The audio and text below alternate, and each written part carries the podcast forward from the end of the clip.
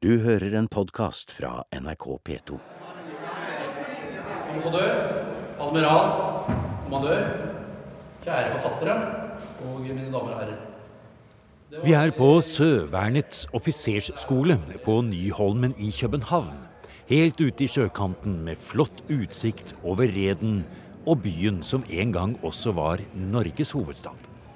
Anledningen er at en stakkars unggutt fra Haugesund, som ble tvangsutskrevet til tjeneste i den dansk-norske marine midt under den store nordiske krig for 300 år siden, skrev trofast i sin dagbok hver eneste dag. Og På toppen av det hele så har han da med fem-seks tegninger per side, som på en måte er Norges første tegneserie. Så vi snakker altså om år 4000 tegninger. Forsker, forfatter og pensjonert kommandørkaptein Tor Jørgen Melien har arbeidet i flere år med de 800 tettskrevne sidene i det som kalles Matros Trosners dagbok. Hittil har den håndskrevne dagboken ligget godt forvart i Riksarkivet, men nå er den digitalisert, så alle kan lese den på internett. Og boken er utgitt som et flott verk med fotnoter og forklaringer i et dansk-norsk samarbeid. Det er som om vi sitter på nedre dekk og ser rett inn i dagliglivet til matrosene som gikk sine krigsvakter om bord i de store seilskipene som patruljerte i Østersjøen på jakt etter svensken helt på starten av 1700-tallet. Sjømannen fra Haugesund skrev flittig i fire år, fra 1710 til 1714. Enten tjenesten var på land eller om bord i en av fregattene. Så han begynte å skrive den dagboken etter at han kom ned til København i 1709. Og vi mangler de første sidene, så vi vet ikke nøyaktig hvor den startet. Men i, desember, i januar 1714 så skriver han at eh, krigen tar ikke slutt. Og han hadde tenkt å avslutte når krigen sluttet, men nå ga han opp. Han holdt på flere år. Så, eh, så, så der stoppet dagboken. Og Vi vet ikke helt hva som skjedde etterpå, men han kom tilbake til Norge, giftet seg og man har etterkommere i Bokten kommune en dag i dag. Og som du sier, altså dette er jo en uh, historie. altså Vi ser, vi ser, det liksom fra bunnen av, av, samfunnet. Vi ser det fra de, de lavest i et svært eh, hierarki, som, som uh, Forsvaret var den gangen. Uh, og en, i utgangspunktet en alminnelig norsk sjømann. Nå var han ikke helt alminnelig, da, for ut ifra det han skriver, så skjønner vi at han har en ganske bak, god bakgrunn. Antagelig så har han seilt utenlands uh, og opparbeidet seg en del språkkunnskaper også på den bakgrunn, for han siterer opptil uh, ti språk. Han må jo ha en enestående evne til å legge merke til ting og tenke gjennom hvordan han skal skrive ting, for det, er, det rommer ganske mye hver enkelt eh, innførst. Og så da en liten tegning noen ganger med farver osv. Eh, litt av en eh, talentfull person, dette. Absolutt. Så eh, jeg ser liksom for meg altså Trosner sitter nede på banjeren og gjør dette mens de andre kanskje har frivakt og lapper sammen buksene sine eller fletter en eh, flette. Men der sitter han og skriver og tegner. Og så er jo det at du har seilskutetiden, og de lå og venta på vind. Så, så, så, så, alt gikk jo i mer langsomt kino enn i våre dager. Eh, perioder av eh, tiden. De var på sjøen. Det var klart når de hadde bør og det, de seilte raskt, så da var det ikke mulig å skrive og tegne. Men, men de fikk sine rolige perioder. Det er sikkert. Hva er det han egentlig forteller om? Ja, for det første så er utgangspunktet den dansk-norske flåten. Han tjenestegjør om bord på fregatt og linjeskip i eh, områdene rundt Bornholm og syd for København ned mot Rygen. Det er først og fremst det området der. Men han seiler også opp til norskekysten i konvoi, for Norge måtte jo ha korn også i krigstid. Og I tillegg til det, når han ikke var seilende, for fartøyene måtte jo inn og ha vedlikehold, så arbeidet han da på Holmen eh, og på lagrene i København. Og, og, og, da er vi inne på det neste aspektet, nemlig at da kan han skrive om alle de andre temaene. Som gjør dagboken så veldig interessant. For det er altså ikke bare snakk om sjøfart, eh, krigføring, økonomisk krigføring, slag. Men det er også eh, dagliglivet. Det er sykdommene. Det er eh, sykehusene. Det er maten de spiser. Og det er de sosiale forholdene. Ja, Han nevner jo dette med alle dødsfallene pga. pest og sykdom. Og som førte til at eh, mange mistet ektefellen. Så det ble gjennomført massebryllup i København. Og, eh, og så var det jo nærmest masseskilsmisse i etterkant også, for det gikk jo ikke bra. Og alt dette skriver Trostner om da i sine daglige små epistler som han fører inn. Men tror du han hadde det for øye at dette en gang kunne bli verdifullt, eller at det skulle gis ut, eller på en måte Hvorfor gjorde han dette, tror du? Det, det har jeg ingen anelse om. Det er vel ingen som vet. Det er et mysterium. Og Det er vel også et lite mysterium hva slags rolle han hadde om bord i skipene han tjenestegjorde i? Ja, det er, eh, det er, sant. Og det er jo det som er eh, spennende og samtidig veldig mystisk. da. Det er ofte at eh, det man kan best, det skriver man ikke noe om. Man skriver om alt det andre man opplever. Det samme med Trosner. Han skriver jo ikke om de sjømannsmessige tingene han er god på. Men han skriver om alt det andre.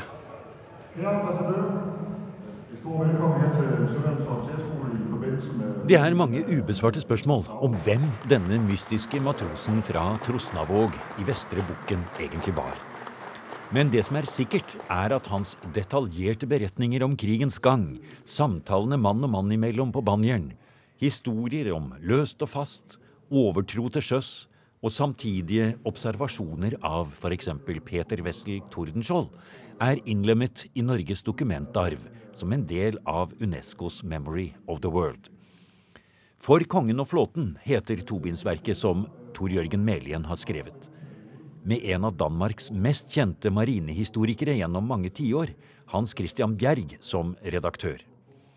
Vi skal straks møte begge to, sammen med marinehistoriker Ole Henrik Gjerulsen, når vi skal vandre litt rundt i det gamle København, nede ved kaiene, hvor alle de mest kjente sjøheltene bodde på Tordenskiolds tid.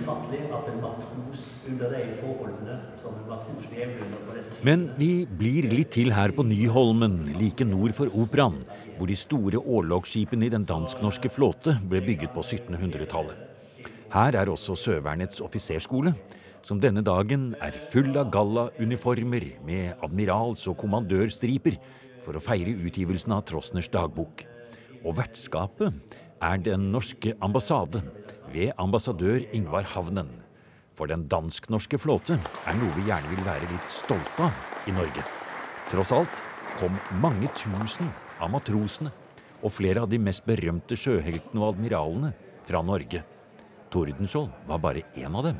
Eh, vi, eh, vi, strides jo ofte om eierskapet eh, til bl.a. en del av våre store sjøhelter, men òg innenfor litteraturen og andre områder. Men det er klart at Tordenskjold står jo kanskje i en særstilling når det gjelder dette.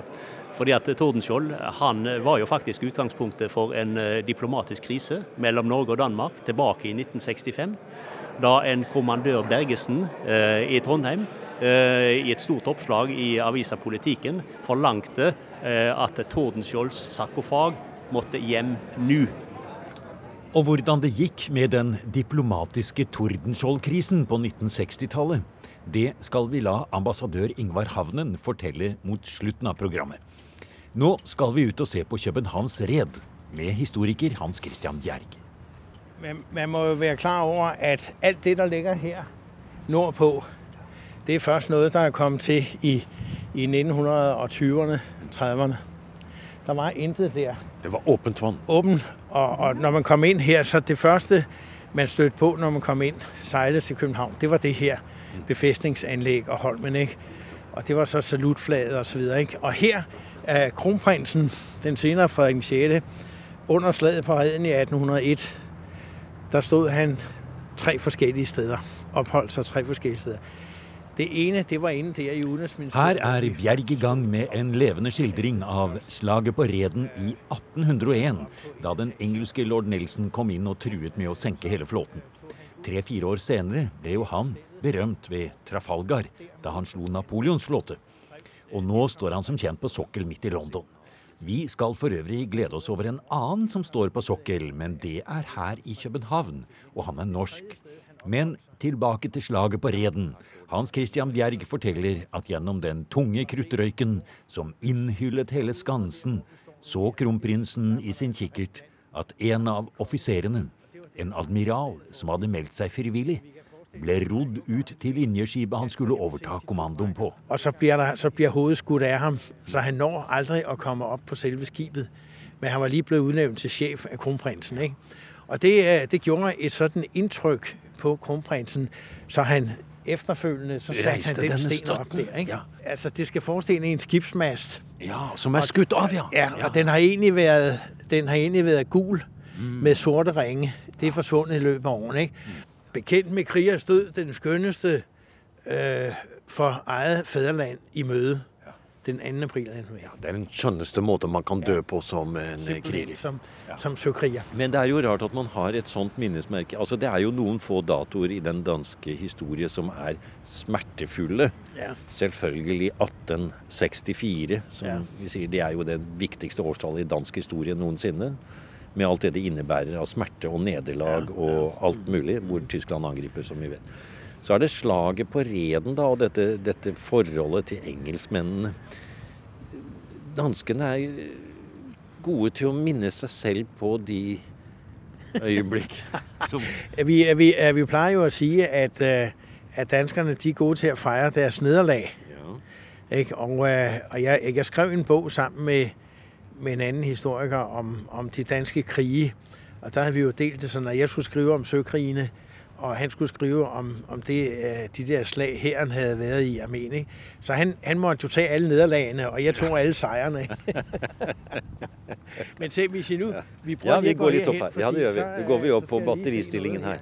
Ja, for det er en skanse her som er forhøyet.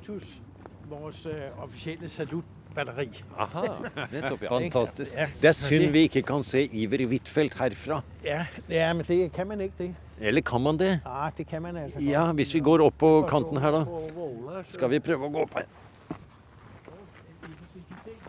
Tor! Tor, nå må du klatre. Å, jeg kan se ham herfra! Tor, du må komme opp her. Nå står vi her og snakker om den skjønneste død, Tor. Ja, og her Ja, nå klatrer vi opp som de reneste soldater. Og så kommer vi litt høyere opp. Ser utover dette store bassenget inn til eh, innseilingen til København. Og på en støtte der, hevet opp over trekronene eh, på den andre siden der, ikke så fryktelig langt fra den lille havfrue, der står det en støtte. Ja, det, er, eh, det, er, det står altså på lange linje innseilingen til eh, København eh, nordfra. Altså hovedinnseilingen til København. Ja.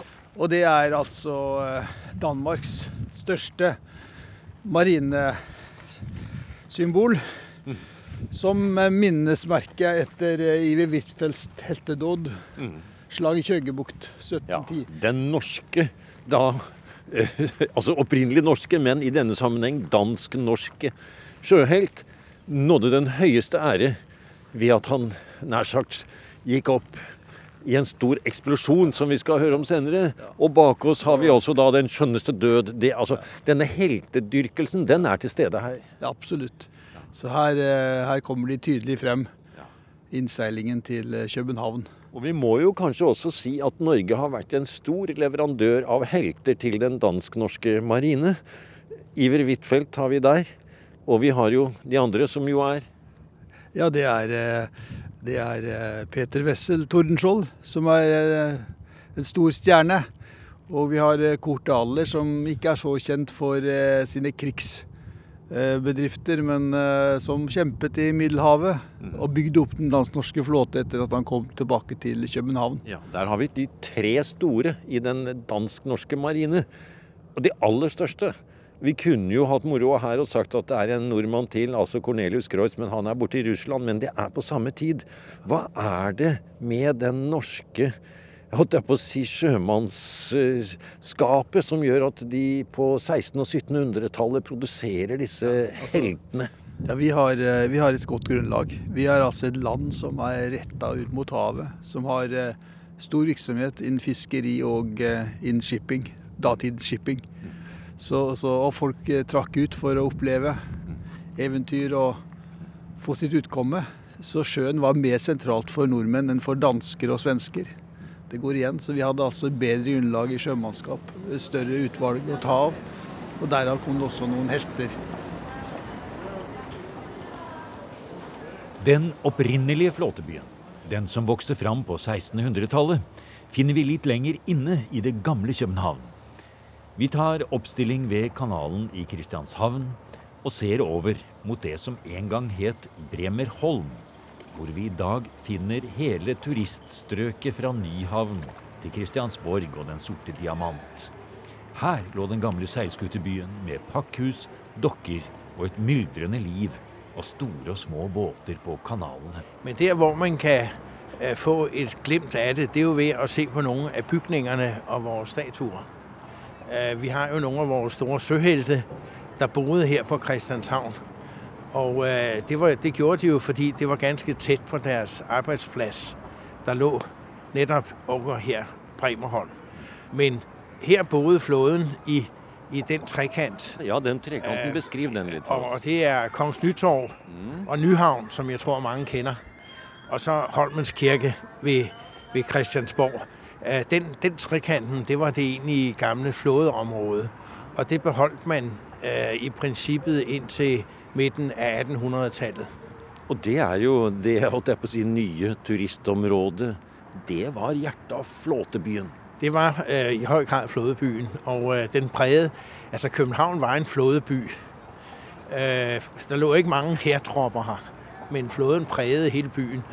Og øh, øh, Christian den 4. han havde jo også bygget nogle vågninger, nogle bygninger til øh, flådens faste mandskab, det vi kalder nyboderne, nyboder, som øh, var en del af byen dengang. Så det er understreger i virkeligheden flådeområdet som sådan. Og hvis vi bøyer oss litt og ser under broen her som vi står ved, så ser vi en av de nye, flotte tingene her i København. Den sorte diamant. Altså eh, biblioteket. Kongens bibliotek. Og rett bak der så ligger jo det gamle biblioteket og Riksarkivet. Men det var også eh, utrustningssteder for flåten. Ja, det var det. Øh, Christian 4. bygget jo lige her bagved den sorte diamant, der bygget han jo en lille flådehavn. Og på hver side, det var meningen, at man ville selvfølgelig skjule sig for svenskerne. Så derfor så byggede man en, en lukket havn med bygninger omkring. Og den ene, øh, det var krudt og kugler. Det var det, vi kaller tøjhuset. Og den parallelle anden bygning, det var proviant. Så man sejlede ind der, så var det meningen, at man skulle have mad fra den ene side og krudt og kugler fra den anden side, og så var man godt udrustet. Og Tor Jørgen Melien, du er norsk, eh, tidligere norsk sjøoffiser og marinehistoriker. Og her fikk du et stikkord. Eh, kanoner, artilleri, kuler og krutt. Det er noe du kjenner. Ja, jeg kommer jo opprinnelig fra kystartilleriet. Og eh, Tøyhuset var veldig sentralt for eh, 1600-1700-tallet, faktisk for hele Forsvaret. For Tøyhuset leverte artillerimateriell og eh, ammunisjon til både den danske hær, den norske hær og eh, fellesflåten. Så der var det stor aktivitet. Så vi kan prate om en tredje forsvarsgren. Og det er også her eh, de norske, når de norske matrosene ikke seilte, så jobbet de da inne på disse ulike lagrene og på Taihuset. eh, For å, for å ha flåten mest mulig parat igjen når eh, våren kom og man skulle utruste den på nytt. Og Det er viktig å være klar over at det var ikke bare i nybodene de bodde, de norske matrosene og sjømennene. Men de leide også plass, bosteder, rundt omkring i hele byen. Så de var en del av bybildet. Og de var mange også, særlig når eh, det ble utrustet større flåtestyrker. Så var det selvfølgelig mange norske sjømenn her i Kongens by. Når du står her nå Melien, og ser utover denne flotte byen, for akkurat når vi er her, i dag, så er det flott sol og det er litt vårstemning og, og ganske fint. Eh, har du noen vanskeligheter med å lukke øynene og se 1600-tallet her? Nei, det, er, eh, det ville vært veldig morsomt å se. Vi, vi har sett en et yrende liv på kanalen her. Og Det kommer av det at eh, flåten var ikke bare linjeskip og eh, fregatter, altså de store fartøyene, men det besto altså av massevis av små hjelpefartøyer som, som var en del av virksomheten til flåten. For her skulle leveres materiell fra, fra Taihuset, her skulle repareres, her skulle hentes master og alt mulig. Alt skulle transporteres. Og når flåten seilte, så skulle altså småbåten også etterforsyne flåten kanskje utenfor her. Så det var mye roing, altså. Det var Det var mye roing, ja, for man kunne ikke seile roing. inn i Nei, det var ikke, dette er, vi snakker altså om åpne båter her. De, alle de småfartøyene vi her prater om. Ja. Små båter som ikke hadde dekk, så var veldig mye roing. Ja, men også de store si, marinefartøyene de kunne jo ikke, heller ikke seile inni her, for det er jo ikke vind til det. Så de måtte vel bukseres og skyves, og det måtte jo være en veldig håndtering bak at bare med å få båtene på plass på riktig sted her. Ja, stemmer. Det var veldig mye tautrekking. Det var det. Ikke bare roing, men også tautrekking.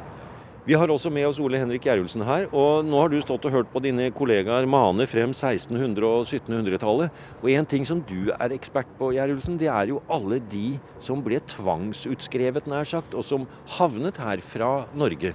Og nå hører vi Melien sier de bodde over hele byen, for de var jo mange. Ja, det var flere tusen. Og for å sette flåten på krigsfot, så trengte man 10 000 mann. Eh, og veldig mange av ø, de mener sjøfolkene, de eh, kom fra Norge. F.eks. i 1705 så var det 13 000 eh, utskrevne matroser til eh, den dansk-norske flåten. Og da var 64% av dem norske. Så eh, flertallet var eh, norske, og eh, en årsak var nok at eh, veldig mange nordmenn bodde langs kysten, var veldig sjøvante. Sånn at de var eh, gode sjøfolk. Men om kongen eh, ville gjerne ha dem, så var det mange som, av disse som forsøkte å unngå slik tjeneste. Fordi mm, utover 1600-tallet så får det også en eh, norsk hær eh, eh, i Norge, så en del eh, ble utskrevet eh, som soldater. Men så var det da en del eh, eh, blant kystbefolkningen hvor unge karer ble utskrevet til flåten. Men eh, den tjenesten var eh, ofte mer fryktet, fordi at eh, du ble sendt langt hjemmefra. Tjenesten kunne vare i flere år, og eh, det, var var, farlig også. farlig. med Så det var rett og slett sykdom noe man fryktet. Ja. Det var en skrekk, det å bli tvangsutskrevet til den dansk-norske marine. Eh, Det var mange som ville unngå det, ja. Og mange rømte. Eh, altså noen til fjells, men de, de fleste faktisk eh, eh, ved at de tok eh, tjeneste om bord på fremmede lands skuter. Da særlig nederlandske skuter. Så f.eks. Eh, i 1606-årene så var det flere eh, forordninger, kongelige forordninger som forbød eh, både norske og, danske unge karer å ta eh, eh, sjøtjeneste på utenlandske skip. Nå må vi springe litt over gaten her. Ja. Unnskyld at jeg avbryter litt her nå, men eh, de gale syklistene holder på her, Ja, så vi må ja, forte oss nå på på, Grønn mann. Ja. Vi Eh, går over nå i Strandgaten. Her har vi stanset foran en fantastisk flott grønn port. Nå skal vi se om vi greier å få opp denne døren. Da ringer vi på sekretariatet her. Vi skal nemlig på besøk til både Kort Adler og Petter Wessel Tordenskjold. Husene de bodde i, står fortsatt i Strandgaten i Kristianshavn. Den som fører Forfatterforening. Ja, god dag. Dette er fra Norsk Rikskringkasting. Ja, men kom inn, far. Ja, takk. Jeg kommer ned og henter jer. Takk, takk. Men den historien får vi i et senere program. Oi, så praktfullt bindingsverk. Uh, har dere sett? Veldig fin, nesten sånn onkel Nå skal vi tilbake til Ingvar Havnen. Som norsk ambassadør til København har han arvet et meget viktig diplomatisk oppdrag, som startet med en av de mange gode historiene som alltid har fulgt Tordenskjold, både levende og død. Fordi at Tordenskjold han var jo faktisk utgangspunktet for en eh, diplomatisk krise mellom Norge og Danmark tilbake i 1965. Da en kommandør Bergesen eh, i Trondheim forlangte eh, at Tordenskjolds sarkofag måtte hjem nå. Eh, og dette førte jo til, førte til stor uro i danske marinekretser. Eh, over utsiktene for at Tordenskiolds sarkofag, som da ligger i Holmen kirke her i København, eh, skulle da eh, bli eh, tatt til Trondheim. Men eh, den godeste Bergesen, kommandør Bergesen ble invitert til eh, København eh, og oppfarta et, etter alle kunstens regler. Og det ble oppretta, hasteoppretta et Tordenskiolds selskap, Tordenskiolds venner. Og kommandør Bergesen han var den første æresmedlem. Så etter en omfattende kurtise oppvartning over noen dager, så var eh, omsider kommandør Bergesen fornøyd. Så når han reiste tilbake igjen til, eh, til Norge, eh, så var det med avskjedsreplikken eh, om at Tordenskiolds sarkofag den skulle forbli i Holmens kirke.